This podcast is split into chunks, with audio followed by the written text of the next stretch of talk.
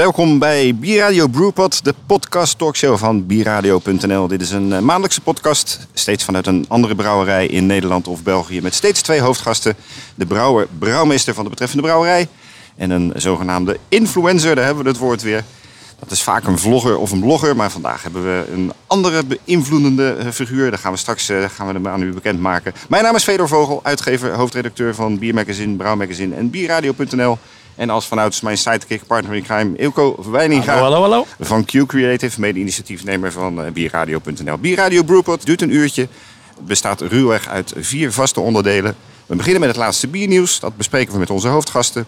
Daarna gaan we naar de brouwer, Sander Nederveen. Vandaag waar we zijn bij brouwerij Oedipus. Want er valt heel veel nieuws te melden hier bij brouwerij Oedipus.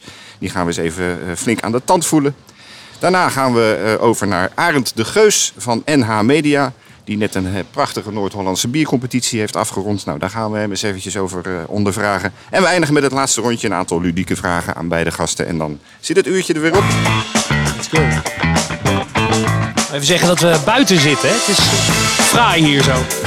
Zonnetje, briesje. Heerlijk. Bierradio.nl Ja, we- Biernieuws. We zitten hier heerlijk eh, buiten inderdaad in het zonnetje. We zitten hier in, uh, in Amsterdam. Uh, in het uh, havengebied is dit geloof ik hè? Of, Hamerkwartier. Hamerkwartier ja. en er wordt hier volop gebouwd. Ja. Uh, nou, daar gaan we het straks ook over hebben in relatie tot Oedipus. Want volgens mij moeten jullie hier weg. Maar ik denk dat het misschien goed is om de uitzending te starten met een biertje. mooi glas biertje. Ja, lekker. Waar ga je ons mee verrassen? Ik heb een vermoeden. Ja, je ziet het etiket natuurlijk al. we zijn vandaag Oedipus Pilsner aan het afvullen. En dat is ja, een pils van ons. Het prijswinnende pils. Het nou, prijswinnende dat, uh, pils. komen ja. we straks ook op. We beginnen met het laatste biernieuws. Wat vonden jullie, Arend en uh, Sander, het meest opmerkelijke biernieuws van de afgelopen weken? En dan heb ik het niet over Oedipus en Heineken. Wil jij beginnen? Ja, laat ik beginnen. Kijk, ik, ik ben natuurlijk maar een... Uh, ik stap één keer per jaar met één voet de bierwereld in.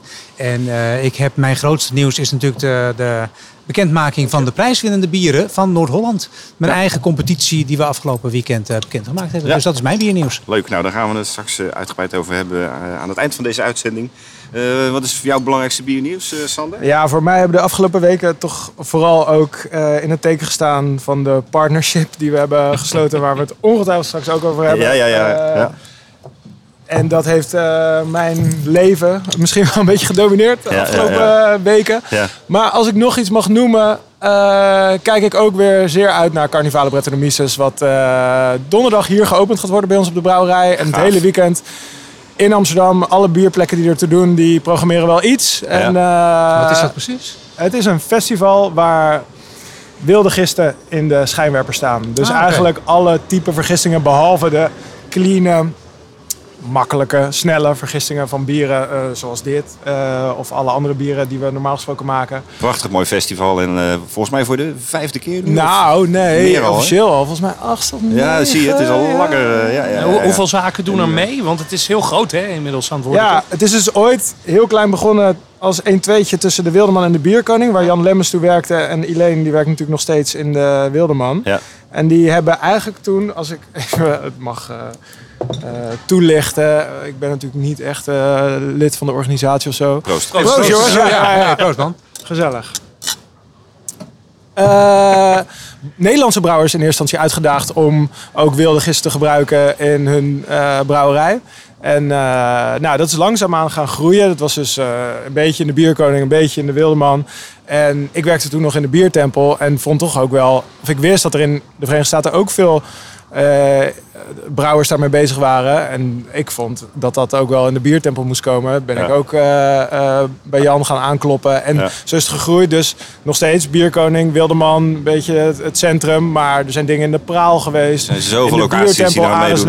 Ja. eh, hier, eh, Walhalla, eh wel Bar Amsterdam. geloof ik. Ja, ja, ja. Voeders natuurlijk ook eh, inmiddels. Nou, tot zover het uh, reclamefilmpje voor het uh, festival Brettanomyces. Ik ga even ingrijpen, want we waren met het biernieuws bezig. Ja. Hartstikke goed, want het is een, een festival dat heel veel promotie verdient. Dus uh, goed dat je daar, uh, dat je daar even uh, over bent begonnen. Ja. Wat ik opzij, ik, ik noem even wat dingen van bierradio.nl, uh, het laatste biernieuws. De online webshop van Westvleteren, wat vinden jullie daarvan? Afgelopen vrijdag was ik daar bij de persconferentie binnen in de muren van de abdij, waar je niet zo snel binnenkomt. Het is wel een dingetje, hè? Want het, het romantische van de, van de nummerbord en de kentekens uh, gaat er nu vanaf. Ja. Bierlijn, einde bierlijn. Ja. Ja. Ja, komen twee werelden bij elkaar, hè? Oud, oud en nieuw. Ja, Hoe kijk jij daar tegenaan, Sander? Eh, nou, het bier is in Amsterdam eh, ook gewoon in pizzeria's te krijgen. Nou ja, La Perla eh, pizzeria in de Jordaan, die Ja. heeft het gewoon staan. En dat gaat dus ja, er is nu. een levendige handel. Ja. En ik snap wel dat zij daar meer controle over willen. Ja, en kan me... Ja, ik weet niet. Het bier is wat het is. En de abdij is de abdij. En de monniken zijn de monniken. En ja, het, wordt nu op een andere manier gedistribueerd. en Precies, dat is ja. fijn. ze willen eigenlijk dat het alleen nog maar bij de consument komt. En niet Ja. meer bij de malafide handel. En eh, ja, dat is op zich te begrijpen. Maar schaarse producten zullen altijd eh, doorverkocht worden. Precies. Of nou concertkaartjes zijn, of zeldzame bieren, of zeldzame wat dan ook. Ja, nee, Eh, eens. En dan hebben we vorige week bekendgemaakt, eh, de Dag van het Bier komt eraan. eh, georganiseerd door Misset samen met Bier Co. en met, met Swinkels. Ja. Wat vinden jullie daarvan? Het is eigenlijk op de horeca gericht. Dus een, een soort van seminar. Volgens mij in september als ik het goed heb. Oké. Wist ik niet, maar lijkt me goed. Goed ik weet niet. Ja, nou, ik merk wel dat er de laatste, in ieder geval voor brouwers ook, de laatste jaar of twee jaar echt wel substantieel meer seminars, eh, conferenties natuurlijk ook. Ja. En eh, er wordt meer kennis gedeeld met elkaar eh, op technisch gebied. Maar ik denk dat dat op sales, horeca, distributiegebied natuurlijk ook helemaal geen kwaad kan. Dat mensen van elkaar leren en leren hoe verschillende mensen ervaring hebben en iedereen verder kan. En voor de ene zal het interessanter zijn dan voor de ander.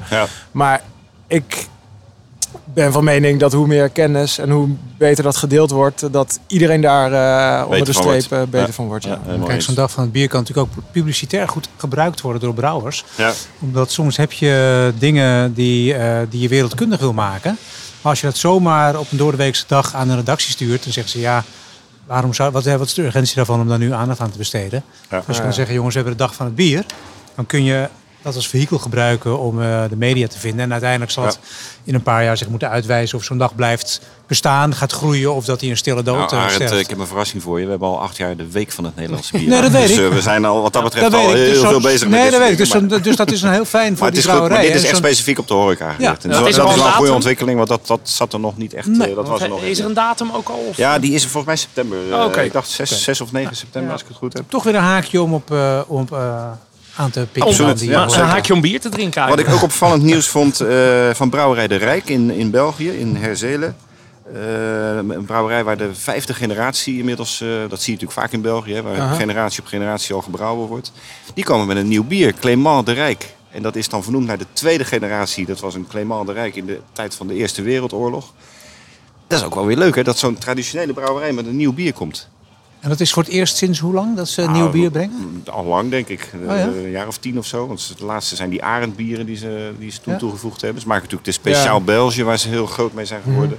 Maar je ziet het veel bij de traditionele Belgische brouwers. Dat ze nu met allerlei nieuwe dingen komen. Ik heb het idee dat ze eh, toch een beetje kijken naar Nederland. Van Ja, wow, het gaat wel hard daar. Ja. Ja, ja. En ik denk ook wel verder dan Nederland. eh, Ja, ook wel. het is Ja, ja, ja. Nederland heel dichtbij. in beweging. En veel mensen zitten denk ik te wachten op juist diversiteit aan smaak en Ja, ja. meer keuze. En, eh, ja. Ook in België, zeker. Zeker. Ja. Het is ook, ook rem, kan ook remmend zijn natuurlijk. hè. Als je zo'n hele grote traditie hebt. Mhm. Eh, dat is wat mij altijd opvalt hier in eh, Noord-Holland. Uh, Oedipus was een van de eerste brouwerijen waar wij met NH Media mee samenwerkten om zelf een, een bier te maken.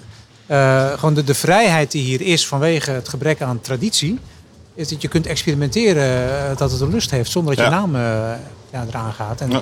juist heel erg veel naam maken daardoor. Ja. Tot slot, eh biernieuws, want in mei natuurlijk toch wel groot was, denk ik, eh, eh, de winnaar, het beste bier van Nederland, de Mitra Award, de winnaar van de Dutch Beer Challenge, La Trappe Triple. Voor het eerst een klassieker die wint. Wat vind jij daar met name van, Sander, als brouwer? Ja, jeetje.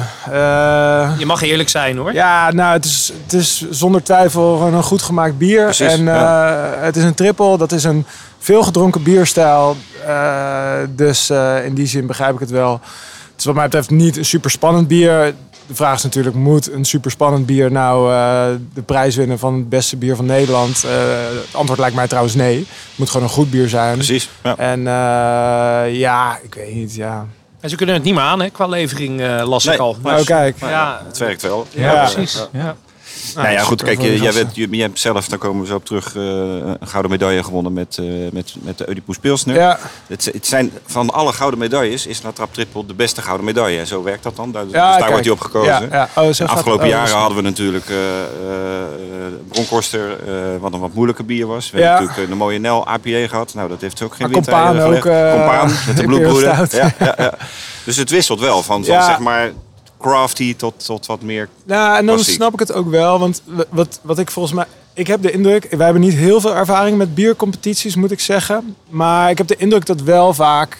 Natuurlijk ook de wat steviger bieren gewoon vaak wat complexer zijn, wat dieper, wat gelaagder. Ja. En dat je daardoor natuurlijk wel punten scoort. Ja, en ja. ja, dat is logisch dat er dan dus met een wat hoger alcohol, een bier met een wat hoger alcoholpercentage eh, dan uiteindelijk de beste gouden eh, medaillewinnaar is. ja. En ja, dat is, eh, dat, dat is dan hoe dat werkt. En eh, prima. Ja. Nou, dit was eh, even het rondje het laatste biernieuws. Meer biernieuws uiteraard op bierradio.nl. Kijk ook op bierradio.nl voor het laatste biernieuws. Ja, dat zei je eigenlijk al, hè? Dat, Ja, dat, eh, we, gaan, we gaan over naar onze hoofdgast Sander Nederveen.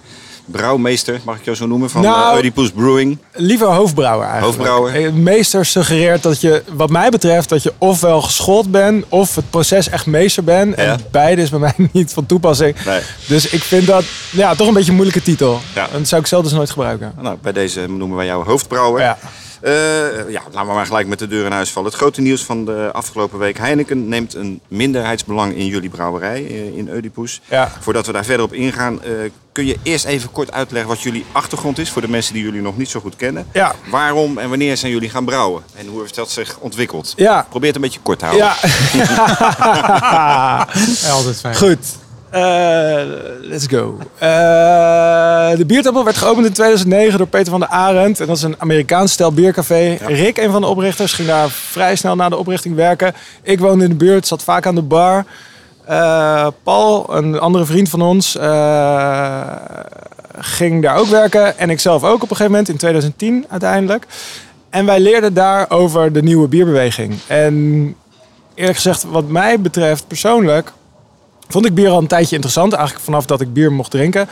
Maar ik raakte er ook op uitgekeken, omdat ik de, de dubbels, de trippels, de blonds, eh, ja, toch wel veel van hetzelfde vond. En ik niet wist wat er allemaal was.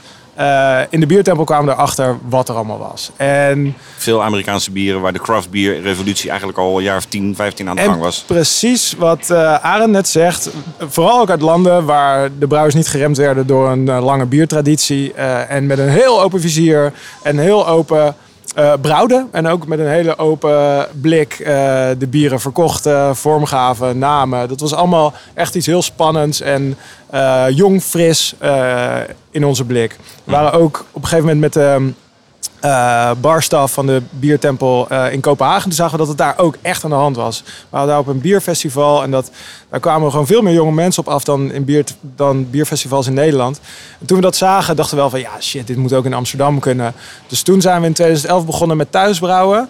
Eh, om te kijken, wel echt met het idee van, nou, we willen uiteindelijk ook zo'n biermerk oprichten in Amsterdam. Ja. En kijken of, onze, of wij ook meer smaak op een frisse manier een nieuw publiek mee eh, kunnen aanspreken. Eh, dus zijn we gaan thuisbrouwen. Eh Rick is ook al als een gek al gelijk allemaal evenementen gaan organiseren. Ja. Dus hadden we meer bier nodig. Echt de eerste thuisbrouwers hadden we al echt een soort productieschema. Ja, dit evenement komt eraan, dat evenement komt eraan. We hebben bier nodig, dus brouwen. Ja, ook ja, ja. thuisbrouwketels meenemen naar evenementen, zodat we bieren konden tappen. Maar ook tegelijk brouwen. En dat ging dan in de vergistingste Oh, heel praktisch emmer bezig zijn, in, zeg de maar. in de auto weer terug eh, naar huis. Eh, maar uiteindelijk ook een eerste contractbouw gedaan van Mannenliefde bij de molen op een oude installatie die nu Ja. bij de Kaapse Brouwer staat. staat, ja. Eh, en vanaf daar is het gegroeid. Dus toen zijn we vanaf 2012 dat we officieel een bedrijf zijn gaan huurbrouwen.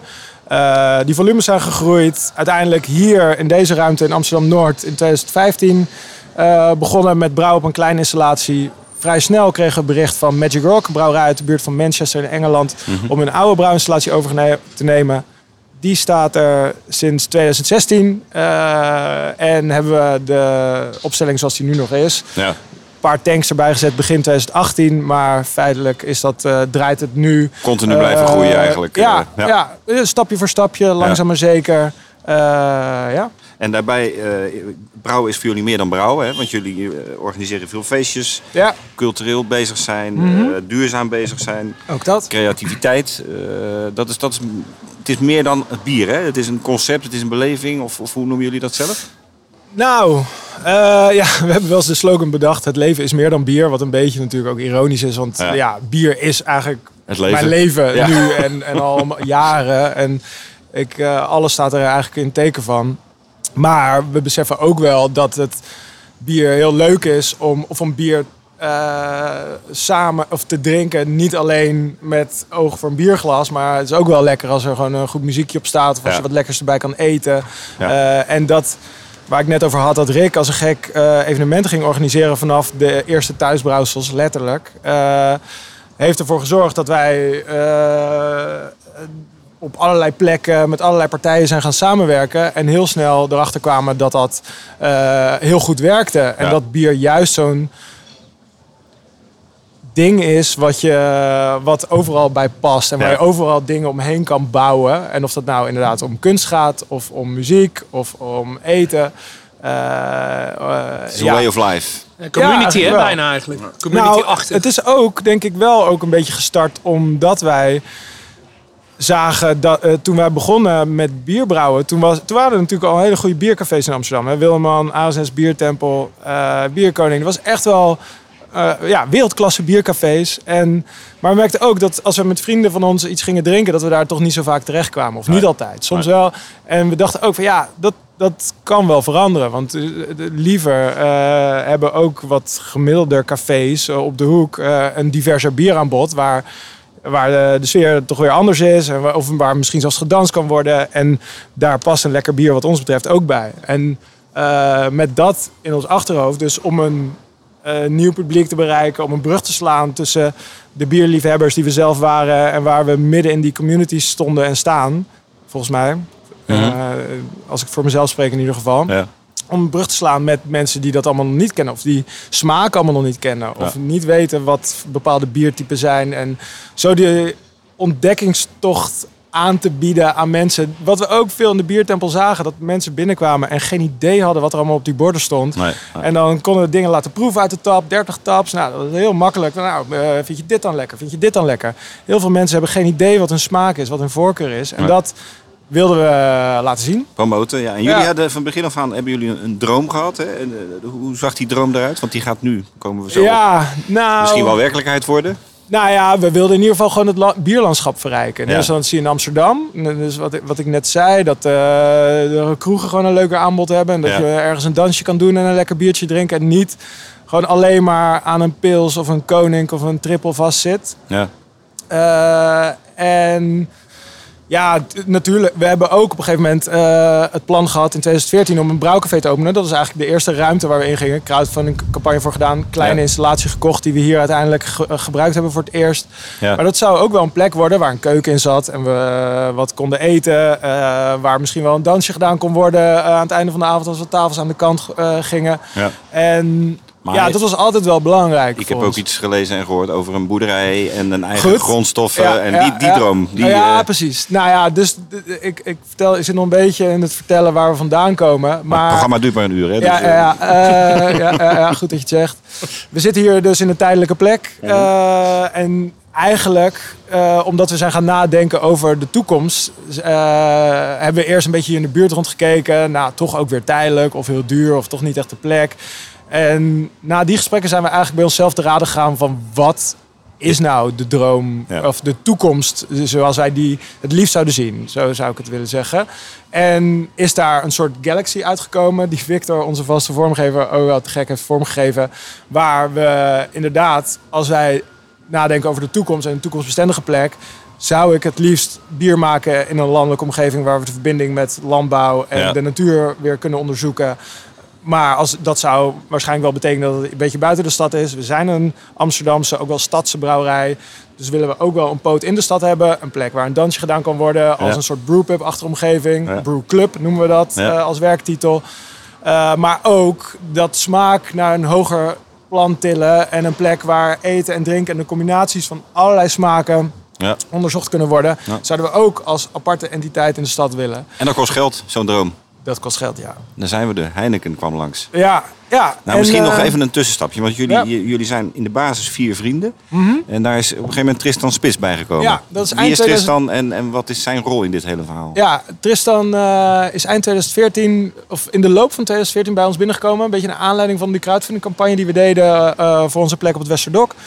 Eh, hij heeft, eh, hij heeft een, meer, heeft een achtergrond in ondernemen. Ja. Ook een opleiding gedaan die wat meer die richting op is. En een bedrijf in zonnepanelen opgebouwd en uiteindelijk verkocht. En eh, ja, kwam gewoon bij ons binnenlopen. En eh, ja, eh, was super enthousiast. En Ja. die is er zeg maar bijgekomen Ja. als eh, vijfde man. En, ja, En, ik zie en heeft hij ook dan wel- ook geïnvesteerd in de brouwerij toen al? Omdat hij die ja, zonnepanelen had nou, hij is gewoon aan het werk gegaan eigenlijk. Toch en wel, eh, ja. heeft zijn plek zo verdiend. Als je dat zo. Zag je in hem iemand ook waar je op zakelijk niveau eh, je aan kon optrekken? Dat het misschien toch ontbrak bij jullie? eh? Nou, wat wel heel, heel snel duidelijk was, is eh, tot die tijd, volgens mij, ik was toen net ook volledig, we waren net op dat punt dat we wat salarissen konden uitkeren Ja, ja, uit de eerste verdiensten van het contract brouwen. En ik was toen net ook eh, aan boord volledig, zeg maar, dat ik eh, kon stoppen met mijn bijbaantje in de biertempel. Mijn studie Ja. was inmiddels afgerond. Wat heb je gestudeerd trouwens? Eh, aardwetenschappen was mijn bachelor en ik heb uiteindelijk een master gedaan in hydrologie. En Wow. als, een van de, of als enige van de vier, of vijf zelfs, heb ik dan als enige zeg maar, een beetje een beta-achtergrond met veel exacte vakken, scheikunde, natuurkunde. En zodoende ben ik ook de brouwer geworden. In hydrologie, dan volg je het water op de aarde geloof ik. Van hoe de eh, stromen... ja, ja. dat is een studie naar water in de breedste zin van het woord. Maar veel chemie, veel natuurkunde, ook wel wiskunde over grondwaterstromen. Nou laten we het daar niet over Nee, hebben. Wel interessant trouwens. Ja, komt trouwens ook nog wel theorieën over terug als je gaat filteren, weet je wel. precies, Hoe poreus is je filterbed en hoe zit dat met die drukken en eh, stromingen. Nou, maar Tristan, dat werd wel duidelijk dat hij iets meer eh, ervaring had met ondernemen. En ook simpele dingen als boekhouden of zo. Ja, wat wij ja, tot, wat Paul eh, naar beste kunnen heeft gedaan, maar Ja. wat gewoon eh, wel beter kon. Ja. En, ehm, ja, met, en hij had ook gewoon wel ideeën over hoe je zo'n bedrijf kan opbouwen. En hoe belangrijk structuur is. En we deden tot die tijd alles met z'n allen. Dus met z'n vieren deden we alles. Ik had mijn vaste leverrondjes. Ik, in het begin deed ik ook nog wel de acquisitie dat ik een kroeg in ging lopen. Ik brouwde dan elke week nog wel een brouwsel. In het begin deden we dat ook echt met z'n allen. Ja. Allen thuis brouwen en afvullen.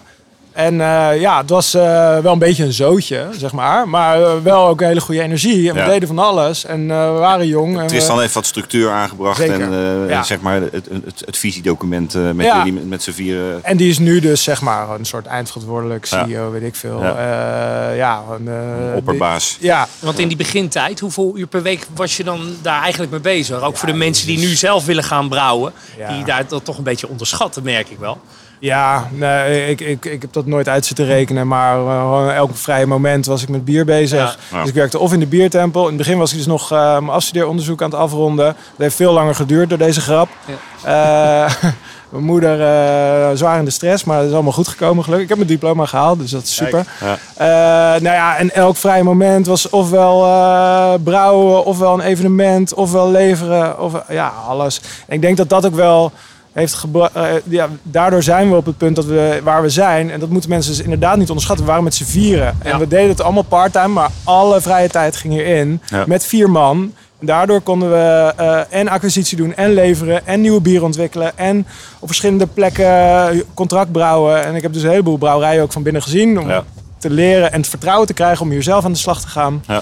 Eh, want ik heb geen opleiding gedaan eh, tot brouwer.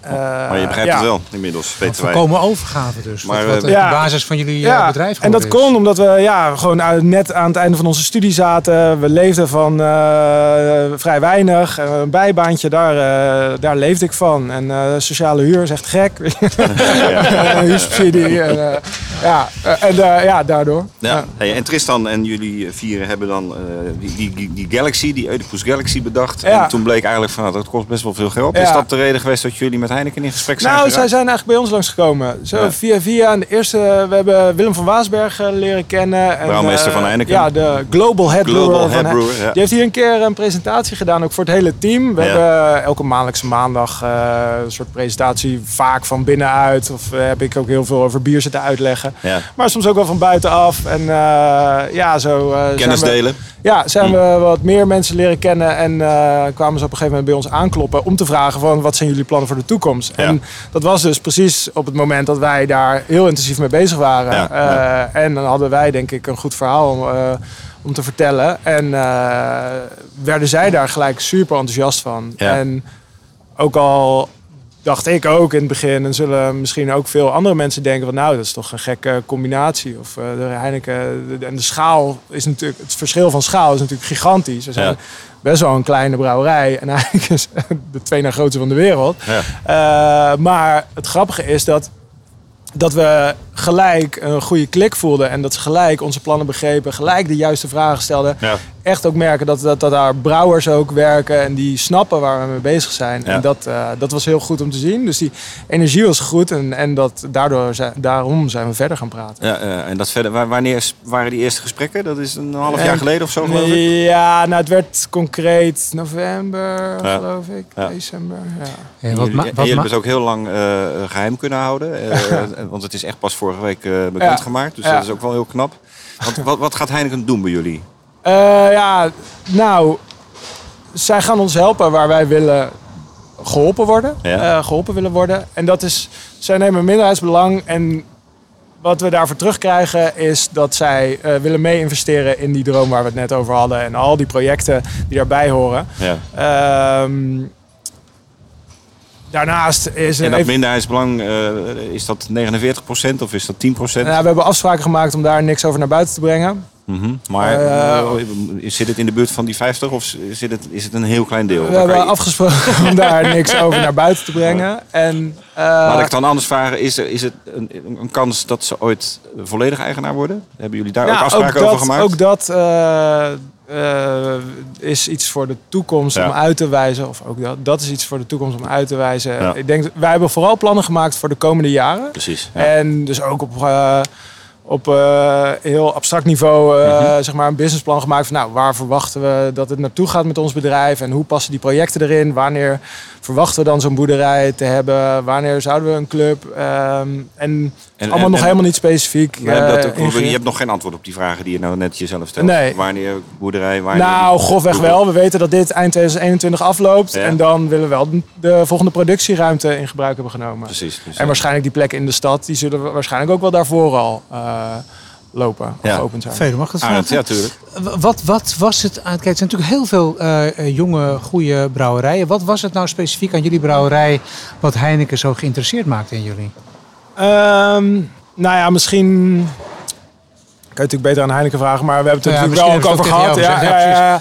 Eh, nou ja, wij zijn een van de eerste die, van de nieuwe beweging. En ik denk eh, dat dat aanspreekt. Ik denk ook wel dat wij, behalve goede bieren maken, of we doen ons best in ieder geval, eh, ook wel meer om het bier inrichten. En ik denk dat wij ook overeen komen dat we allebei merkenbouwers zijn. Of Ja, aan de- ja, ja. over, ook over het merk nadenken. kan En Heineken wat- natuurlijk wel heel erg goed. En, eh, en Ze Ja. hebben natuurlijk ervaring met Lagunitas. En, eh, ja, Ja, ja, natuurlijk wel wat, wat ja, jij actiever. zegt dat kan Heineken goed, maar blijkbaar is- eh, voorzien zij toch in een bepaald communitygevoel waar ze zelf geen grip op eh, dat gevoel heb ik een Nou, ik denk dat, dat zij ook wel zien dat er een hele nieuwe bierbeweging eh, Ja, met ja. een hele gro- nieuwe groep consumenten eh, ontstaan is. Waar Wat ze ze zelf niet meer kunnen ontwikkelen. Nee, Nee. en waar Afligem en eh, ook in de Heineken portfolio het ook niet gaat doen. en waar het misschien niet eens per se het bier drinken gaat, maar de hele beleving eromheen. Nou, ik denk wel dat smaak en een divers aanbod. ehm,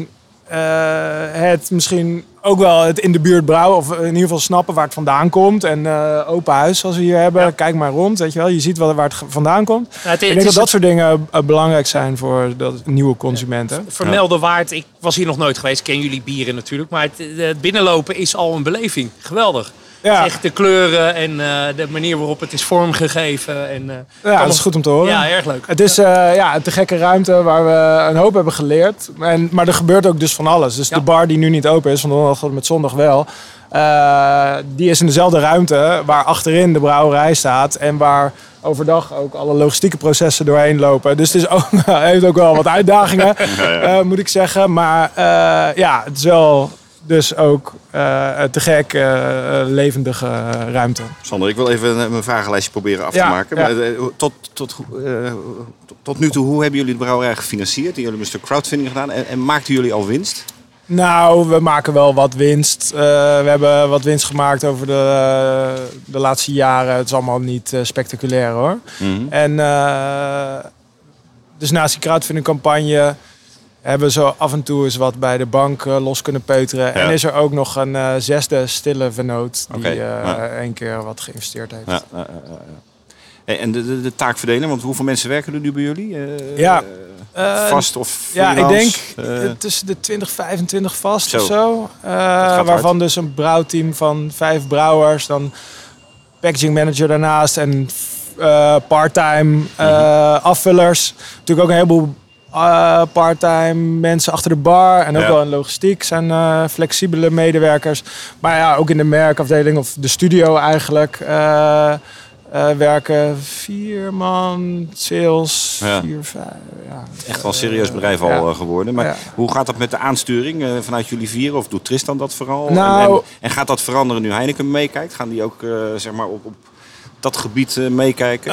Nee, eigenlijk niet. Hoe nu de structuur is, is dat we eigenlijk een managementteam hebben van eh, Tristan, Steve en ikzelf. En Tristan algemeen de studio doet. Steve eh, sales en distributie. Mhm. eh, en ik de, het bier. Ja. En ja, dat bl- wij blijven de boel doen zoals ze deden. Ja. En ja, Heineken gaat daar niet zo Gaat- gaat zich daar niet bij bemoeien. Nee, ja, ik weet niet wat voor afspraken daarover gemaakt zijn. Nee. Dat, eh, nou ja, goed. Wij, zij willen ook graag dat wij gewoon blijven doen waar Ja, we goed in zijn. ja. Of wat we Maar uiteindelijk, hebben. uiteindelijk zal er gewoon wel geld verdiend moeten worden. Dat Natuurlijk. Dat, dat dus eh, wat ik net zei, we hebben op grove lijnen een businessplan. En, en we, de, de, ze kijk- kijken natuurlijk mee. En eh, wij doen dit ook eh, voor de lange termijn. En als we eh, geen geld gaan verdienen, dan... eh. Heineken dan gaat niet gaat- in een speeltuin investeren. Dat, dat, nee, dat nee we ook moeten niet gewoon goede businessplannen presenteren. Ja. Of het nou voor een boerderij is of voor een wat kleiner horeca eh, ding in de stad. Dat Ja. moet wel kloppen en dat moet wel gaan Ja. werken. Ja. En dat, ja, goed, dat is het natuurlijk ook niet anders dan wat wij eh, voorzien, zeg maar. Precies. Wat wij Ja. willen. Hey, nou heb je in de, zeker in Amerika, maar ook, ook in Nederland in de craft beer scene, om dat eh, afschuwelijke woord maar weer te gebruiken. eh, natuurlijk heel veel mensen die het hebben over onafhankelijkheid en die heel erg afgeven op met name de grote concerns. Eh, ik denk dat jullie vroeger ook wel een beetje in die hoek zaten.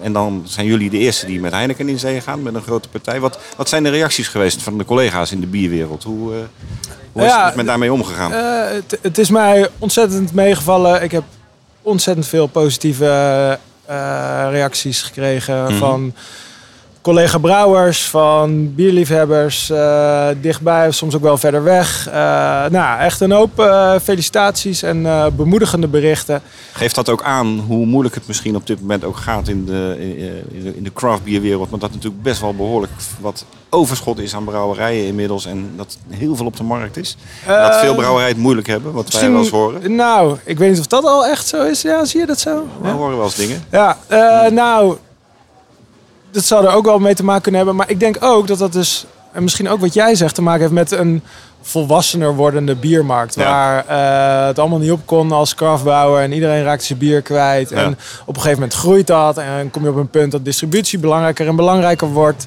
Eh, en eh, ja, er zijn daar bepaalde keuzes voor je. En de een doet het op de ene manier, de ander doet het op de andere manier. Ja. Ik denk wel dat de bierwereld volwassener wordt. En dat mensen die in de bierwereld werken ook volwassener worden. En ook bepaalde eh, zakelijke beslissingen beter begrijpen. Ja. Eh, en waar het ook wat mij betreft vroeger was het daar wist ik gewoon niet zoveel over bier maken. Ook. Maar helemaal niet over distributie of eh, financiering van bedrijven en wat er allemaal in kan. En, ik ben er nog steeds geen expert, maar door wat we aan het doen zijn, heb ik daar wel wat, natuurlijk het een en ander over geleerd. Nou ja, en snap ik beter waarom eh, bepaalde keuzes eh, eh, voor je liggen en, en hoe je daarmee om kan gaan. Wat ik in die zin ook interessant vind om te weten, en dat zie je natuurlijk ook bij de, bij de brouwerij, brouwerijen waar Swinkels, Bavaria in Ja. heeft geïnvesteerd. Die hebben met name ook heel erg geholpen op het gebied van kwaliteit. Verwacht je dat Heineken bij jullie ook met name labotechnisch meer gaat meekijken en Nou, de kwaliteit van jullie bieren nog verder omhoog gaat brengen? Dat is waar alle brouwers natuurlijk continu om aan het schreeuwen zijn. Van Ja. Ja, hey, eh, ik weet van dit apparaat en als we dat hebben, dan kunnen we dit meten en dan eh, weten we beter. Ik denk dat wij. De boel staat wel een beetje in ons bedrijf. En het brouwteam, daar ben ik ook heel blij mee. Die eh, een ja, goede balans van doeners, denkers. maar genoeg ook analytische, kritische brouwers die continu beter bier willen maken. En continu met ideeën komen om hoe het beter kan. Dus Hebben jullie een eigen labo? Eh, tot op zekere hoogte hebben we. Mm. Ja, we hebben wel wat apparatuur waarmee we simpele checks kunnen doen. Ja. En eh, een beetje microbiologie, eh, ja, wat analytische dingen. Maar ik denk dat we daar een hoop te leren hebben. Ja. En maar in de, ook breder over het hele proces van bier maken kunnen wij wel wat leren. Ja. Maar het leuke is dat andersom ook. Zeg maar. Ja, ja, ja, ja, Dus. Heineken wil en kan ook denk ik wel ook leren van onze Out of the box denken. inefficiëntie. En, Ja. Maar wel eh, wat dat oplevert. Zeg maar. Ja, ja, ja. Ik, ik had nog een vraagje over eh, nou, de afgelopen week. Ehm, dit komt naar buiten. Dat is natuurlijk eh, positieve geluiden, ook negatieve geluiden. We kennen natuurlijk de tendens op social media. Ja. Is- heb je daar misschien, of hebben jullie daar misschien ook nog wel een beetje tegenop gezien? Dat je denkt van nou, we gaan zien wat er allemaal, eh, allemaal loskomt. Zeg maar. Ik heb heel veel gelezen, ook positief, maar ook negatief. Ja. Ik vind altijd moet je een beetje van je afzetten. Maar ik kan me voorstellen als je er middenin staat, dat dat wel voelt als wat gaat er gebeuren. Ja, natuurlijk hebben we dat eh, bedacht. Maar ook hoe we het nieuws zouden brengen naar het team. Dat is ook zo'n... eh, eh, ja, we hebben het natuurlijk wel over gehad. En, Hoe en gaat ja, het personeel reageren? Ja, nou ja, en, en hoe gaan we dat brengen? En hoe, En hoe eh, reageerden ze? Ja, positief. Oké. Vooral, ja, Goeie, nee, goeie. ja. Eh, dus, eh, maar ja, natuurlijk zijn we daarmee bezig geweest en hebben daar eh, over nagedacht. En, maar een het, het een leuk- van de dingen die ik las bijvoorbeeld, Ja. ben ik wel benieuwd, eh, is dat jullie zijn lid van Craft. Ja, Dat dat misschien een probleem gaat worden. Hè? Dat mensen speculeren dan direct ook in de comments. ja. Ja, Kan je daar iets over zeggen? Kraft heeft regels wanneer je eh, lid mag zijn. Paul, eh, een van de medeoprichters, is ook bestuurslid eh, in Kraft. Dus die weet hoe die regels werken. En ik vind het ook goed dat zo'n organisatie regels heeft. En daar pas je binnen of niet. En ja, ja Kraft is natuurlijk ook bedacht om met alle kraftbrouwerijen samen een beweging te beginnen. En eh, die samen heb je dan eh, de mogelijkheid om kennis te delen die misschien bij een grote brouwer wel voor het oprapen ligt. Dus eh, ja, het is misschien ook gewoon wel goed dat dat zo werkt. En, ja. Even terug naar die grote brouwer, Heineken. Ehm, nou is het natuurlijk bekend dat Heineken het Amerikaanse Lagunitas bier deels al laat brouwen bij Brand in Wieren. Ja, Ehm, ja, jij bent daar ook open over dat sommige van jullie bieren worden ook al bij een contractbrouwer Ja. gebrouwen. ja. Is het mogelijk dat sommige van jullie bieren ook bij Heineken gebrouwen gaan worden? Bijvoorbeeld bij Brand? Eh, Zijn daar ook afspraken over gemaakt? Dat is helemaal aan ons. Ja. Daar zijn geen afspraken over gemaakt. Nee. Want Wij, met eh, Heineken kan je natuurlijk wel ineens ook een enorme groeistuip krijgen. Ja, nou, ik denk. Wat, wij zijn denk ik wel eh, van de brouwerijen van onze generatie, zeg maar, best wel snel gegroeid. Ik weet niet of het de snelste zijn, maar dat maakt ook allemaal niet zoveel uit. Maar het voelde denk ik wel altijd stapje voor stapje. Mhm. En we hebben geprobeerd om alles gewoon zeker met, ja, met vertrouwen te kunnen doen. En of dat nou- en niet in één keer eh, keihard groeien. In het begin misschien wel, maar dat waren nog zo kleine volumes. Ja, dan is het makkelijk om ineens twee keer zoveel te maken, jaar Ja. na jaar. Maar eh, ja, ik denk dat wij dat vooral ook heel behoudend zijn of eh, voorzichtig zijn in niet te veel in één keer willen. Nee. En dat zijn eigenlijk de belangrijkste dingen die we hebben afgesproken met Ja. Heineken. Van nou, wij gaan het gewoon op onze manier doen. En dat betekent stapje voor stapje. En dat betekent niet ineens alle distributiekanalen vol aan en eh, overal maar Oedipus naar binnen pompen. Nee, Is langzaam. een groeiverplichting of zo? eh? Eh, nee. Nee. nee. En eh, nou, wij hebben daar het, het, eigen, het laatste woord. Wij, hebben- ja. het is gewoon onze plannen die we gaan uitwerken. En eh, Eh, dus ja, dat is ook helemaal aan ons. En als wij eh, gewoon mannenliefde bij anders willen brouwen, dan blijft dat bij anders brouwen. Maar Ja. als het bij een andere brouwerij beter kan, ja, ik sta natuurlijk open daarvoor. Maar de- ik heb eh, helemaal geen reden om van anders te wisselen. Want Brouwerij anders in België ja. voor de luisteraars. Ja. Dat ze denken anders brouwen, dat je het Oh ja, anders gaat maken. sorry. Maar bij brouwerij anders is een brouwerij waar wij uh, mannenliefde al, een- al een Ja. hele poos maken. En we hebben een hele goede band met Anders. En, echte eh, productie, een zeer kwalitatief Ja, die brouwen alleen voor derde. Eh, en eh, ja, geen reden om daar nu van af te stappen. Nee, duidelijk. En zijn er afspraken gemaakt over export? Want Heineken beschikt natuurlijk over enorme exportkanalen. En Amsterdams bier is hip. Eh, Amsterdam is wereldwijd Ah, ja. hip. Dus ik kan me voorstellen dat dat, dat, dat ineens, zeker met jullie Ja, vol- uitstraling... eh, Ik geloof dat daar echt ook nog niks over Nee, eh, is. Paul, een van de oprichters, komt u weer. Ja. Is sinds een paar jaar bezig met exportonderzoeken als enige. En die is gewoon langzaam maar zeker allerlei relaties aan het opbouwen met kleine distributeurs vooral. ja, En er is ook geen reden om te denken dat we dat nou ineens helemaal anders moeten gaan doen. Nee. Dat zijn super eh, goede relaties die we daarmee hebben. En eh, dat groeit eh, ook gewoon stapje voor stapje. ja, ja, en ja, daar gaan we mee door. ja, duidelijk. Nou, ik denk dat we het eh, verhaal Heineken eh, in ieder geval nu uitgebreid eh, besproken hebben. Goed. Ik wil nog even wat algemene dingen aan je vragen voordat Ja. we overgaan naar Arend Ja, sure. over de Noord-Hollandse biercompetitie. Ja, het heet anders geloof ik, maar dat horen we straks. Sander, even, hoe kijk jij aan tegen de craft beer scene in Nederland in zijn algemeenheid? Dus even los van Oedipus, Heineken, Ja. maar gewoon... Nou, ik denk dus dat het steeds volwassener wordt. Hm. Dat, we hebben heel veel tijd gestoken in, in een soort eh, mensen te overtuigen van... Ja, kijk, je hebt verschillende smaken. Een IPA is wat anders dan een pils, dan een saison, dan een stout. En al die bierstijlen zijn er, al die verschillende smaken. En ik denk dat veel meer mensen daar vandaag de dag van, van op de hoogte zijn. Hm. Ik denk ook dat er nog wel aardig wat te winnen valt... in termen van kwaliteit, in termen van leren over hoe je een bedrijf opricht. En wij hebben dat ook allemaal eh, met vallen en opstaan eh, ondervonden. Maar wat ik zie in Engeland en vooral in de Verenigde Staten... dat eh, brouwers daar vaak een stapje verder zijn. En dat mensen gewoon of een opleiding hebben gedaan... maar vaak een opleiding hebben gedaan en ervaring hebben...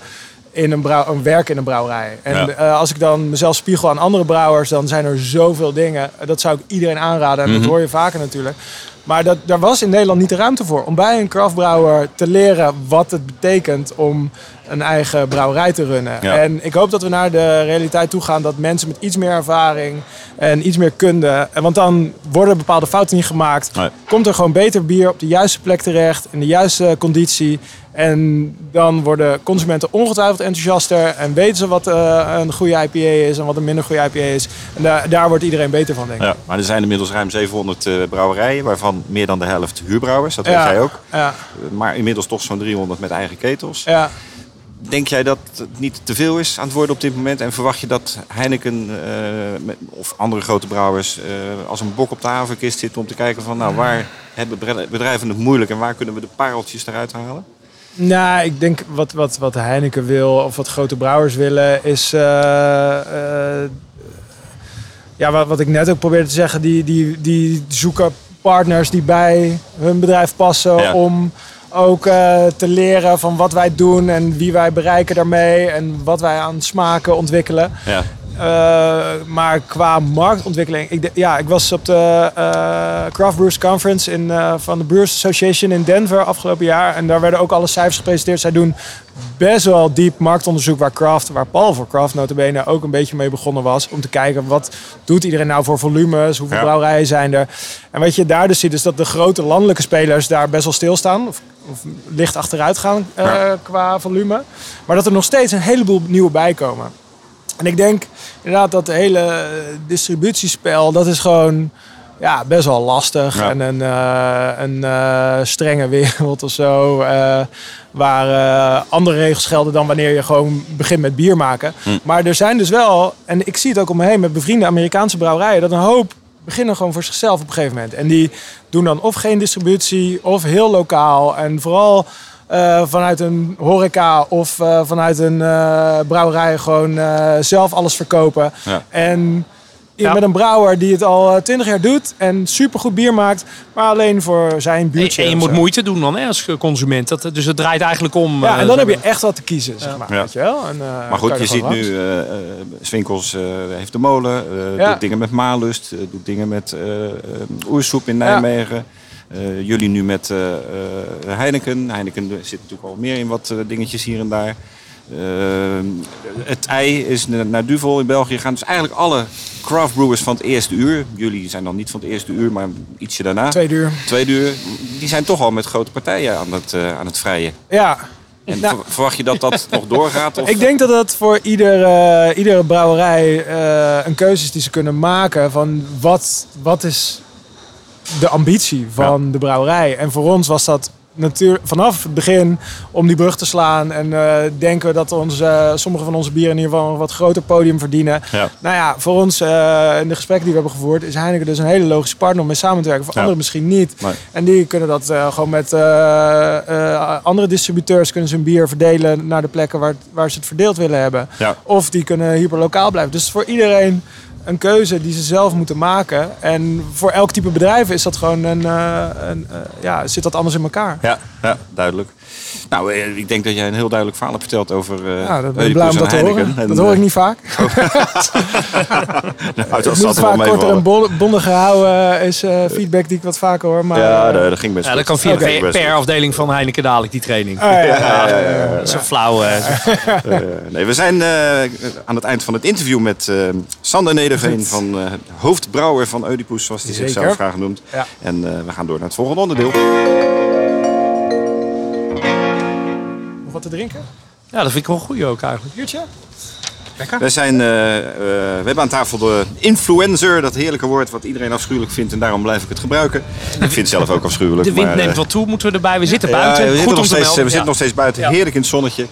Beïnvloeder, En, hè? eh, En een beïnvloeder, Bier, precies. een bierinvloeder. We hebben Arend de Geus eh, van NH Media. Ja. eh, en hij is de organisator van het beste bier van Noord-Holland. Ja, we noemen het de Bierverkiezing Noord-Holland. Bierverkiezing Noord-Holland. die bestaat uit twee onderdelen. Ja. De beste bier van Noord-Holland en het populairste bier. ja.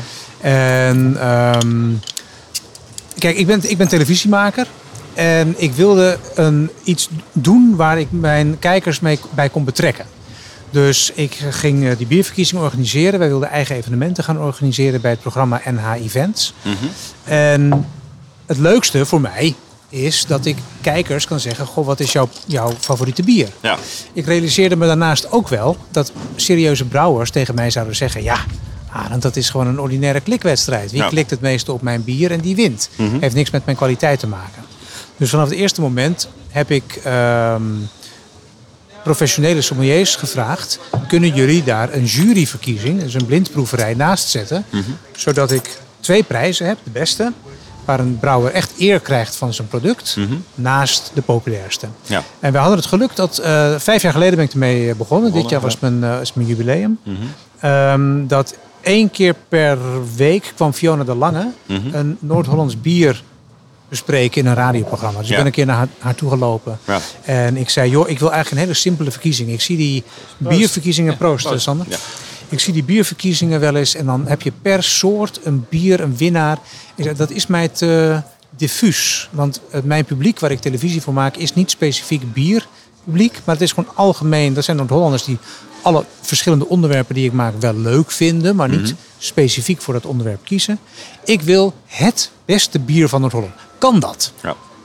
Kan ik al die soorten door elkaar proeven? Ja, zei Fiona, dat kan. Eh, en eh, toen dacht ik, nou, dan ga ik op jouw oordeel eh, af. En toen ben ik alle brouwerijen gaan benaderen. Hm. En zij mochten per brouwerij één bier inzenden. Dus niet de beste IPA of de beste zware, de beste lichte. Eén bier per brouwerij. Waarvan ze zelf dachten van nou, die, die kan meedoen. Ja, die, die willen wij graag laten, laten een podium bieden. Ehm, en dan eh, maakte ik dat, ehm, ik, ik zette dat met type bier en alcoholpercentage. Ik anonimiseerde dat. En dan stuurde ik dat naar, de, naar Fiona. Zij zei, nou dan moet je dit in deze volgorde moeten we dat proeven. Hè? Oplopend, Ja. binnen biertype, Ja. van eh, laag percentage naar hoog percentage. En dan, dan kunnen wij dat prima gaan eh, beoordelen. Ja, want is het, is het inderdaad een, een, een eh, hoe wordt het nu gedaan? Je hebt het, het beste bier en het populairste bier. Ja, het populairste klopt. bier is een consumentenpanel, denk ik. Hè? Klopt, Dan kun je stemmen heb, via de website. Ja, nee, gaat via Facebook. En het handige Facebook? van Facebook is namelijk dat iedereen kan dan één keer stemmen via zijn account. Ja. Het eerste jaar hadden wij zijn eigen stempagina gemaakt. En wij kregen toen van mijn ICT-afdeling kregen te horen dat sommige mensen vaker konden stemmen. Nou, Ja. die, die En we hebben dan weer niet te genoeg eh, mensen of kennis of de wil om daarin te investeren. Komt een motor langs. Ja, het is de drukte van belang hier. Ja, het is altijd gezellig hier. Ehm, ehm, om, om dat allemaal zo, zo eh, af te dichten, om dat Ja. zo proof te maken. Dat we dachten, nou dan doen we het gewoon via Facebook. Daar kun je een stemming op Ja. eh, koop je daarbij kunnen implementeren. Is, is die dan die openbaar direct? Oh, sorry, verder. Is die, is die openbaar Ja, direct? ik zet die openbaar. Iedereen Ja. kan stemmen. Ja, dus feitelijk kan je real-time ook de stemming ik bekijken. kan die volgen. Ja, en Ja, het maar, leuke de, is... maar de, de, de, groep, de mensen in de groep... Ja, aan het begin wel. Wat ik doe is, mensen hebben drie weken de tijd om te stemmen. De eerste twee weken kan iedereen na zijn stem zien, oh, dit is de stand. En de laatste week gooi ik hem, gooi ik hem dicht. Dus dan kan je wel stemmen, maar dan kan je niet zien wat de eindstand is. Nee. Want anders weten mensen Geen gewoon al wie, precies. En die vakjury, hoe werkt dat dan nu? Nou, ik heb eh, een jury van zes mensen. Mhm. En wij krijgen echt wel veel bieren binnen. 45 waren het dit jaar. Ja. En eh, ik denk twee jaar geleden ben ik met eh, Fiona ehm, hebben afgesproken dat we een soort longlist hebben en een shortlist. Dus we delen die jury op in twee deeljuries van drie personen. Eh, daar verdelen we die 45 bieren tussen. Mhm. Iedere jury komt met een, een, een, eh, een cijfer per bier. Proefnotities. Ja, en ik kijk dan naar welke hebben het meeste gescoord. De drie hoogste per jury gaan door. En dan gaan ze met de hele club van zes. Die krijgen dan de zes hoogst gescoorde bieren voor hun neus. En, En- dan zeggen ze nou van deze zes zijn dit de drie beste. Proeven zij blind of weten zij wat ze nee, proeven? zij weten niet wat ze proeven. Nee, nee. Dus in die zin is het echt een objectieve, eh, objectieve wedstrijd. Ja, zeker. Ja, Nou, eh, kom maar los, want afgelopen weekend was, eh, was de bekendmaking. ja klopt. Eh, Ja, ja, dat doen we. En Het is natuurlijk al bekendgemaakt, maar het eh, prachtige voor mij is, wij koppelen dat niet, al vijf niet iedereen jaar. woont in Noord-Holland. En Nee, wij hebben natuurlijk ook luisteraars in, in Limburg, om Ja, wat te noemen. ja, ja. en die En- willen natuurlijk heel graag weten wat het beste bier van Noord-Holland Zeker, is. nou dat ga ik nou bekendmaken. Eens even kijken. Nou, dan begin ik met de populairste bieren. Dat is wat mensen gestemd hebben. Daar Ja. kwam op de derde plaats het bier O Vienna van Brouwerij Bierverbond. Dat is een nieuwe brouwerij uit Amsterdam. Mhm. Op de tweede plek kwam een, een nieuwe brouwerij uit Hoorn. Is pas in oktober 2018 begonnen. Dat is brouwerij Tamersteut. En die heeft een Naughty Badass Motherfucker. Die werd tweede. Klinkt als een craftbier. Ja. En eh, op nummer 1, een heel populair bier, de Skumkoppen van eh, de Tesselse Bierbrouwerij. Ah, bijzonder. Ja, dus dat ja, zijn ja. de, de drie populairste bieren van dit jaar. Ook daar een klassieker, Sander, eh, Ja, die wint. ja, ja, ja, ja, ja. Ja, ja, da- en daar helpt denk ik ook grote achterban. Ja, Ja, ja, mensen ja, kennen dat mensen mochten twee favoriete bieren eh, Mensen kiezen. wonen er op Texel. Tegen iedereen, ook bij ons op de redactie, zeggen ze: Oh ja, een skumkoppen. Ja, die kent iedereen natuurlijk, kent dat is ook logisch. Het is, natuurlijk ook, het is ook gewoon een prachtig bier. Ja, Ja, en, wat, eerlijk. en wat ook helpt, kijk, mensen mogen bij mij twee bieren kiezen. Dus dan kiezen ze vaak een lokaal bier uit hun eigen Ja. dorp. Ze zeggen, oh leuk, dat bier van hem, dat eh, ga ik kiezen. Ja. En dan kiezen ze er nog eentje uit. En veel bieren kennen ze niet. Ja. En dan kom je als je bekend bent toch gauw als tweede keuze En heb je gezien hoeveel mensen er gestemd hebben? Ja, 5300. Dus echt wel een behoorlijk Ja, representatieve... dat vind ik echt wel een grote eh, groep. Ja, ja, Ja. ja. Bijna, bijna heel Noord-Holland is dat, hè? Nou, Heel Texel. West-Friesland. ja, het is een flinke groep. Laat ik het daarop houden. en de vakjury. Ja, de vakjury. Het beste Die- bier. Het beste bier hebben we opgedeeld in twee categorieën. Mhm. Licht en zwaar. En dat is van tot 7% en vanaf 7%. Tot en Ja. met 7% en vanaf eh 7%. En in de categorie licht, dus tot, tot en met 7%, is daar op de nummer 3 geëindigd. Die zitten hier om de hoek. Walhalla Kraftbeer. Ah, lekker. eh, uit Amsterdam-Noord met de Loki Golden IPA. In blik, volgens mij. Eén blik. Ja. Op nummer 2 beland is eh, Trackdown van brouwerij Het Uiltje uit Haarlem. Ook, ook in blik. Ook in blik. En het is geen verrassing, ook in blik is de winnaar. Dat is de Dutch Eagle van More Beer Brewing. Ook in van Amsterdam. Peter van der Arend. Ja, Leuk. ja. Nou, dat is iets wat opviel. Want Ook we het hadden, blik, hè? Ook het blik, ja. Ja, bij Pushet en Kater. Pushet, Ja, ja. precies. Ja. Samengebrouwd met De eerste, en Kater. eerste brouwsel bij Poetsen. Ja, is lekker. Ja. Ja, Drie hoppige bieren. Dus, eh, ja. en drie geblikte bieren. Ja. En het was wel opvallend dat we de, van de, de shortlist eh, voor die lichte bieren waren er, eh, hadden ze er vijf uitgekozen. Drie uit blik en die hebben allemaal eh, Hm. gewonnen. En dat ja, bevestigt een beetje de, wat deskundigen allemaal zeggen. Dat Ja, dat toch ja, echt ja. wel de toekomst is, omdat het goed blijft. Ja. Zal ik de zware doen? Doe maar. Ja. De zware bieren. Vanaf 7%. Op nummer 3 is daar geëindigd brouwerij De School met het bier De Directeur. Wat hoeveel dorp zit te zijn. Die hebben onze oude brouwinstallatie. Ah, nou, Kijk. nou, heel goed. Ik, eh, namens hen bedankt. Hè. Ja, ja, ja. ja, super gedaan, gasten. Tweede is een, eh, een collectief van drie buurmannen uit Uitgeest. Bier door mannen heet dat. Ah, ja. En die hebben een bier dat heet Staal. Gebrouwen door mannen, dat klinkt, dat Staal. rijmt niet. Dus Nee, nee, bier door mannen. Ja, precies. Als tegenhanger van gebrouwen door vrouwen. Ja, precies. Ehm, die zijn op twee eh, geëindigd. En ja, heel verrassend en heel leuk. En echt een ontzettend lekker bier. Op nummer 1 geëindigd. De Naughty Badass Motherfucker van Brouwerij Tamerstuit uit de Hoorn. Dus die ging eh, echt Twee met, keer. twee, met twee prijzen aan de haal. Ja, die, eh, die was heel blij. Die mailde mij vanmorgen nog van... jongen, ik word al een paar dagen geleefd. Ja, Dus, maar we eh, moeten met z'n allen naar Horen. Horen is het, hè? maar Horen zitten veel brouwerijen. Ja, klopt. Horen, Haarlem, Alkmaar en Amsterdam. Ja. Ja, En. Amsterdam natuurlijk helemaal. Hey, wat, wat, wat hebben de deelnemende brouwers aan deze, aan deze wedstrijd, aan deze verkiezing, behalve de eeuwige roem? Dat, publiciteit. Mhm. De- kijk, wat, wat ik doe is een maand lang eh, zetten we op, die, eh, op onze website en op onze Facebookpagina Mhm. van het programma al die bieren in het zonnetje.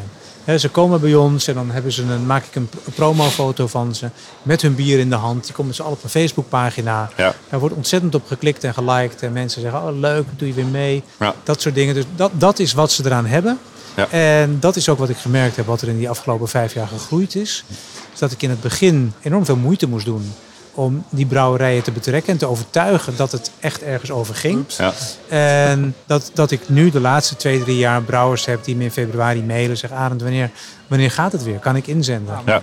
Is er, zit er een verdienmodel achter deze wedstrijd of Nee. is het puur hobbyisme? Nee, het is, Dus, het is eh, eh, kijk, we zijn publieke omroep. Ja, Wij hoeven hier niet aan te verdienen. maar, Wij doen dit als een, een middel om... Ik, kijk, ik haal er inhoud voor mijn programma ja, uit. ja, ja, ja. En ik haal er interactie en betrokkenheid met mijn, eh, met mijn kijkers. Met mijn volgers Ja. van de website en van de Facebookpagina. ik, haal ik heb zelf bij eh, mijn regio, bij Omroep West, een paar keer een proeverij op de radio gedaan. Eh, geprobeerd om daar wat meer eh, ook met bier te doen. Maar het is toch, merk je, hè, wat zijn allemaal wijndrinkers blijkt dan uiteindelijk. Ja. Eh, maar denk je dat het iets is wat je nu vandaag de dag misschien naar andere regionale omroepen kan doorzetten? Het format? Sterker nog, met onze inmiddels vertrokken hoofdredacteur Bart Barnas. eh, toen we dit begonnen, toen eh, heeft hij het een keer ingebracht in een, ehm, eh, een hoofdredactioneel overleg. Alle regionale omroepen Ja. hebben een, Ja. een overleg. Met het idee van, zullen we niet met alle omroepen Ja. zo'n eh, verkiezing doen? Iedereen in zijn eigen regio. Dan hebben we daar twaalf winnaars van. Ja. En die dan, hè, dan krijg je dan het, het beste regionale bier van Nederland. Ja. Dat wordt dan een lastige bij ons in de regio. Want Re- ja, we hebben twee regionale omroepen. Nou, dus eh. Dat, ja, die twee, die, die, die laat je dan die moeten het samen. samen. eh, Eindelijk samen. Maar er zijn twee dingen die, die complicerend zijn. Het ene is, dit drijft heel erg op mijn eigen enthousiasme. ja, dat is dus het. dan Je zou ik het een arend moeten vinden per, per Ja. eh, regionale omroep. Precies. Het tweede is dat alle regionale omroepen in enorm zwaar weer zitten. En de Ja. afgelopen jaren eh, de pet van de omroepen vooral stond van hoe gaan we overleven? Gaan we samenwerken? Eh, Ja. Worden we wegbezuinigd? Ja. Ehm, dus dat, ehm, dat heeft, het, eh, heeft het niet gered. Maar Ja, tot wat, mijn verrassing en geluk groeit het al vijf jaar bij ons. Ja, nou, houd vast en ga ermee door, want dat is de bedoeling, neem ik aan, dat jullie Zeker, doorgaan. zeker. Eh, Ja, je had het net over je luisteraars die niet in Noord-Holland wonen. Die hele, wij, ik maak daar natuurlijk televisie van. En dat Mhm. gaat via onze Facebookpagina, als ik daar even reclame voor mag maken. Eh, wij zijn NH Events, is onze Facebookpagina naam. En die uitzending is daarop eh, te, Mhm. bekijken. Ja, te bekijken. Nou, leuk. Ja, ja. Doen jullie dat bier ook nog? Nee, dit jaar niet. Ook bezuinigingsmaatregelen. Want dat, Sander vraagt dat omdat wij gekoppeld aan deze verkiezing ook ehm, als relatiegeschenk met onze omroep een eh, Noord-Hollands bier maakten. Ja, En dan liet ik een, eh, een collab maken door twee brouwerijen in de ketels van een derde brouwerij. Om heel erg dat Noord-Holland gevoel ja. eh, te hebben. En Sander was daar een van de eerste partijen van. Samen met Tessels bier in de ketels van de Noord-Hollandse bierbrouwerij. ja, ik weet het nog. We hebben vier ja. jaar gedaan. Ja. Eh, ieder jaar gemaakt. vraag ik dan een nieuw, eh, een nieuw type bier. Ja, Dus we hebben een blond gehad en een stout en een, eh, wat was dat? Ja, we hadden een kuitbier. Een kuitbier. Ja. Ja. Maar- Ehm, dat zit er niet meer in. eh. dit jaar niet, Nee. misschien volgend jaar weer. nou, leuk. Ja. Arend, hartstikke bedankt voor het uitleggen en eh, veel complimenten voor het ondersteunen van onze prachtige bierwereld. Daar zijn we natuurlijk altijd heel erg blij mee. We zijn bij- eigenlijk al over de tijd heen, maar we gaan Oh, eh, naar ons laatste rondje. Het laatste rondje zijn altijd even wat ludieke vragen aan eh, de beide gasten. Sander, wat is het belangrijkste nieuws waar jullie nu mee bezig zijn? En dan heb ik het niet over Oedipus en over Heineken, want dat hebben we uitgebreid besproken, dit programma. Maar het belangrijkste nieuws. Ik hoorde iets met Gulpener. Oh ja. Mag ik dat helemaal Ja, nog niet weet, zeggen? ja, weet ik niet hoor. Weet ik niet. Het is nog wel spannend. Ja, ik, ben- ja weet ik, kijk, daar is de tanktruck. Nou ja, zeg. Ja, dit, is echt, dit, is, dit is niet geanceneerd. Dit zou televisie moeten zijn. Ja, ze zouden eigenlijk om 9 uur komen, maar ze zijn nu vast. Vertel, vertel, vertel. Ja, er komt hier even, even voor de eh, luisteraars. Er komt hier een grote tankwagen. Uit Duitsland. oprijden uit Duitsland. Die eh, gaan we vol pompen met bier. Nee, we hebben, Heerlijk. Maar vertel. we hebben eh, een brouwsel gemaakt hier. Eh, het is een eh ja, samenwerkingsbrouwsel met eh Gulpener. Die doen er wel meer de laatste jaren. We zijn ook in gesprek geraakt. En we wilden eigenlijk een collab maken. Tristan, mag ik vertellen over de eh, collab met Gulpener? ja, ja. Hij doet het al. Daar zijn ze. Primeur. Nou, eh, dus we hebben een zuurig bier gemaakt, wat daar nu met de tankwagen vandaag naartoe wordt gereden en daar geblend met hun ijsbok. En eh, ja, komt het najaar uit. Ja, fantastisch. Ja, het heeft wel wat voet in de aarde gehad om hier dus eh, 150 hectoliter van een eh kettle sour bier eh, op tijd gereed te hebben. Ja. En ja, aardige tank eh, bier eh jongleur act, jongleer act. Ja, Eh, maar eh, het is gelukt. Leuk. Nou, we gaan dat zeker volgen. En het, eh, ik vind het fantastisch nieuws. En leuk dat we hier eh, live in de uitzending Eh, die, die, die wagens Ik je binnenkomen. weer daar achteruit eh, een beetje in de buurt. Ja, gaat goed komen. Gaat goed komen. Eh, wat vind jij de beste bierontwikkeling in Nederland? Jezus. Ja, beter, dat er beter bier komt. Ja. Ja, ik heb wel echt het idee, er komen steeds meer brouwerijen bij en het kwaliteit gaat echt omhoog. En ook dus doordat er, wat ik net ook over had, hey, joh, Julian die nu bij Poesjat en Kater is, die, Mhm. eh, ja, die gewoon eh, een tijdje al gebrouwen bij het ei, weet je wel. En Ja. die, maakt, die maakt dus een aantal fouten niet. En, eh, ja, lekker bier. Ja. De kwaliteit in Amsterdam is hoog, hè? Momenteel overal. Echt, eh. Ja, Ja. ja, ja. Vind ik wel hoor. Ja, ja. Van, de, van de 60 brouwerijen geloof ik die er zitten. heb je ze alle 60? 58, 58. Heb je ze allemaal geprobeerd? Nou ja, maar dan op een bepaald moment raak je ook de tel kwijt. En dan smaakt alles goed. Het Smaakt is ook wel lastig om het allemaal bij te houden. Ja. En eh, ja, Ja, het is enorm, jongen. ja. Welke brouwer of brouwster verdienen volgens jullie eh, meer aandacht uit Nederland? Nou, die, eh, qua Nederland laat ik niet passeren. Dat, eh, daar heb ik geen kijk op. Qua Noord-Holland zou ik er niet één brouwer uit willen pikken. Maar wat mij die vijf jaar lang met die verkiezingen is opgevallen... is dat het heel vaak die kleine brouwerijen zijn die uitzonderlijk goede bieren maken. En dat, dat feit zou ik onder de aandacht willen brengen. Dat vond ik Ja. ontzettend leuk. Die jongen die van Tamensteut, dat is echt een hobbybrouwer. Die Ja. heeft een andere baan en die, eh, die doet games. En bij, voor die, eh, die, die games had hij een bier ontwikkeld wat daar geserveerd werd. Nou, dat heeft nu gewonnen. Ja. En jij Sander? Wie, eh, is Ja, een brouwer in een hele Nederland? lastige collega? vraag. Want jij, als zijn je natuurlijk als je je er vrienden. heel veel over slaan. Ja, precies. Ik heb allemaal van die eh, biervrienden tegenwoordig. Wie is, je, En, wie is je eh, beste vriend? Mijn beste biervriend. Ja. Ja, jezus, ik voel me heel erg verbonden met brouwers die een beetje rond dezelfde tijd zijn begonnen. Ja. Ik hoop dat het wederzijds is trouwens, ik dit al zo ga zeggen. Maar ik voor Oersoep, eh, Van Mol, eh Ja. Compa, en, eh, Maximus was iets eerder trouwens. Maar eh, dat soort brouwerij, ik ga, eh, ja shit. Eh, maar ik vind Nevelt gek. Eh, Tommy. Eh, ja, maar iedereen krijgt volgens mij ook wel zo'n beetje zijn aandacht, echt meer aandacht. Ja, ja, ja. Eh, Oké, ja, en wat is jullie favoriete bier-spijscombinatie?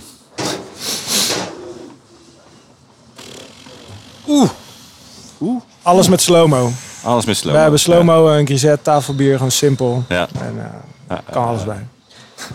Ik, het is afhankelijk van het moment. Ik heb geen... eh, Biefstuk, biefstuk friet met... eh, met, Of ja, lambiek, eh, alles met lambiek eigenlijk. Dat, eh, ja, ja, ja, ja. ja. Ja, dat is wel mooi.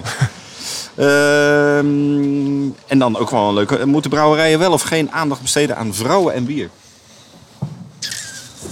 Extra aandacht bedoel je? Je hebt toch voor- genoeg eh, aandacht eh, vrouwen en bier? Of, of ze kunnen brouwen, bedoel jij? De, algemeen. Drinken, vrouwen en bier? Nee, er zijn natuurlijk grote brouwers die eh, heel veel campagnes hebben, eh, met name gericht op vrouwen. Ja. Terwijl die vrouwen dan vervolgens heel gefrustreerd zeggen van ja, maar eh, wij drinken al jaren bier. doe Ja. niet zo gek. Ja. Nou, ik denk niet dat je dat zo expliciet moet doen. Of, nou, ik denk wat onze manier was, is om een beetje weg te blijven van de standaard bierbeelden en thema's. En dus niet eh, macho taal en alleen maar richt op mannen. Maar je kan dat gewoon zonder dat je eh, nou eh, zegt, hey vrouw, hier is een lekker biertje voor jou. Kan je wel eh, door alles wat je doet, de smaken die je maakt, de uitingen die je doet, de thema's die je verzint, eh, kan je denk ik aanspreken tot een divers publiek. En het gaat niet alleen om vrouwen, het gaat gewoon... eh, ja, ik weet niet wie er voor open Ja, staat. weet je wel, wie zijn eigen smaak wil ontdekken of zo. Ik denk dat het erg achterhaald is om echt te denken van we moeten vrouwen aan het bier krijgen. Ja. Tot slot, op wie moeten we proosten met ons laatste glas bier? Eh, nou, ik, ik wil graag, ik ben hier eh, te gast eh, bij Sander. Ik wil heel graag proosten op jullie on- ongelofelijke ontwikkeling. Proost. Ja, dankjewel. Yes, proost. En jij Sander, want jij moet ook nog een antwoord geven. Ja, jij denkt er heel subtiel onderuit te komen, Man, maar... eh, man. Ik ben er mooi vanaf. moeten we proosten? De chauffeur van de tankwagen die zo eh, het veilig... Veel te laat, man. Was Pascal laat. Gillet- Nee, maar, eh, echt kut. Pascal Eh, Gillet? Oké, die krijgt een de biertje naar zijn hoofd. En die gasten in Gulpener, want die gaan nu een paar uur overpompen en die moeten dan het nog ontvangen, hè? Ja, die moest er nog wordt bij ook aan de slag. nachtwerk Dus, door die ja, gasten. Ja, eh, ik weet niet waar het fout is gegaan. Hij is niet snel, dat zie ik wel Ja, vanuit we de gaan ogen. niet op deze chauffeur proosten. Maar eh, op, eh, laat ik een, een, een, een steuntje in de rug geven. Pascal Gillet, directeur van Heineken. Ja, die ken ik nog niet zo goed. Peter van der Arend, een eh, speel in Kijk. het Nederlandse bierlandschap. die wou goed. ik even Helemaal mee weten. eens. Peter. Peter, daar ga je. Dank jullie wel. We zijn, aan het, we zijn aan het eind van onze vijfde Bierradio Brewpot. We waren te gast bij brouwerij Oedipus, waar hoofdbrouwer Sander Nederveen aan tafel zat. En eh, onze influencer van vandaag eh, was eh Arend de Geus van de beste bierverkiezing van Noord-Holland. Dankjewel hè. En tot de volgende brewpot. Tot de volgende keer. Dankjewel.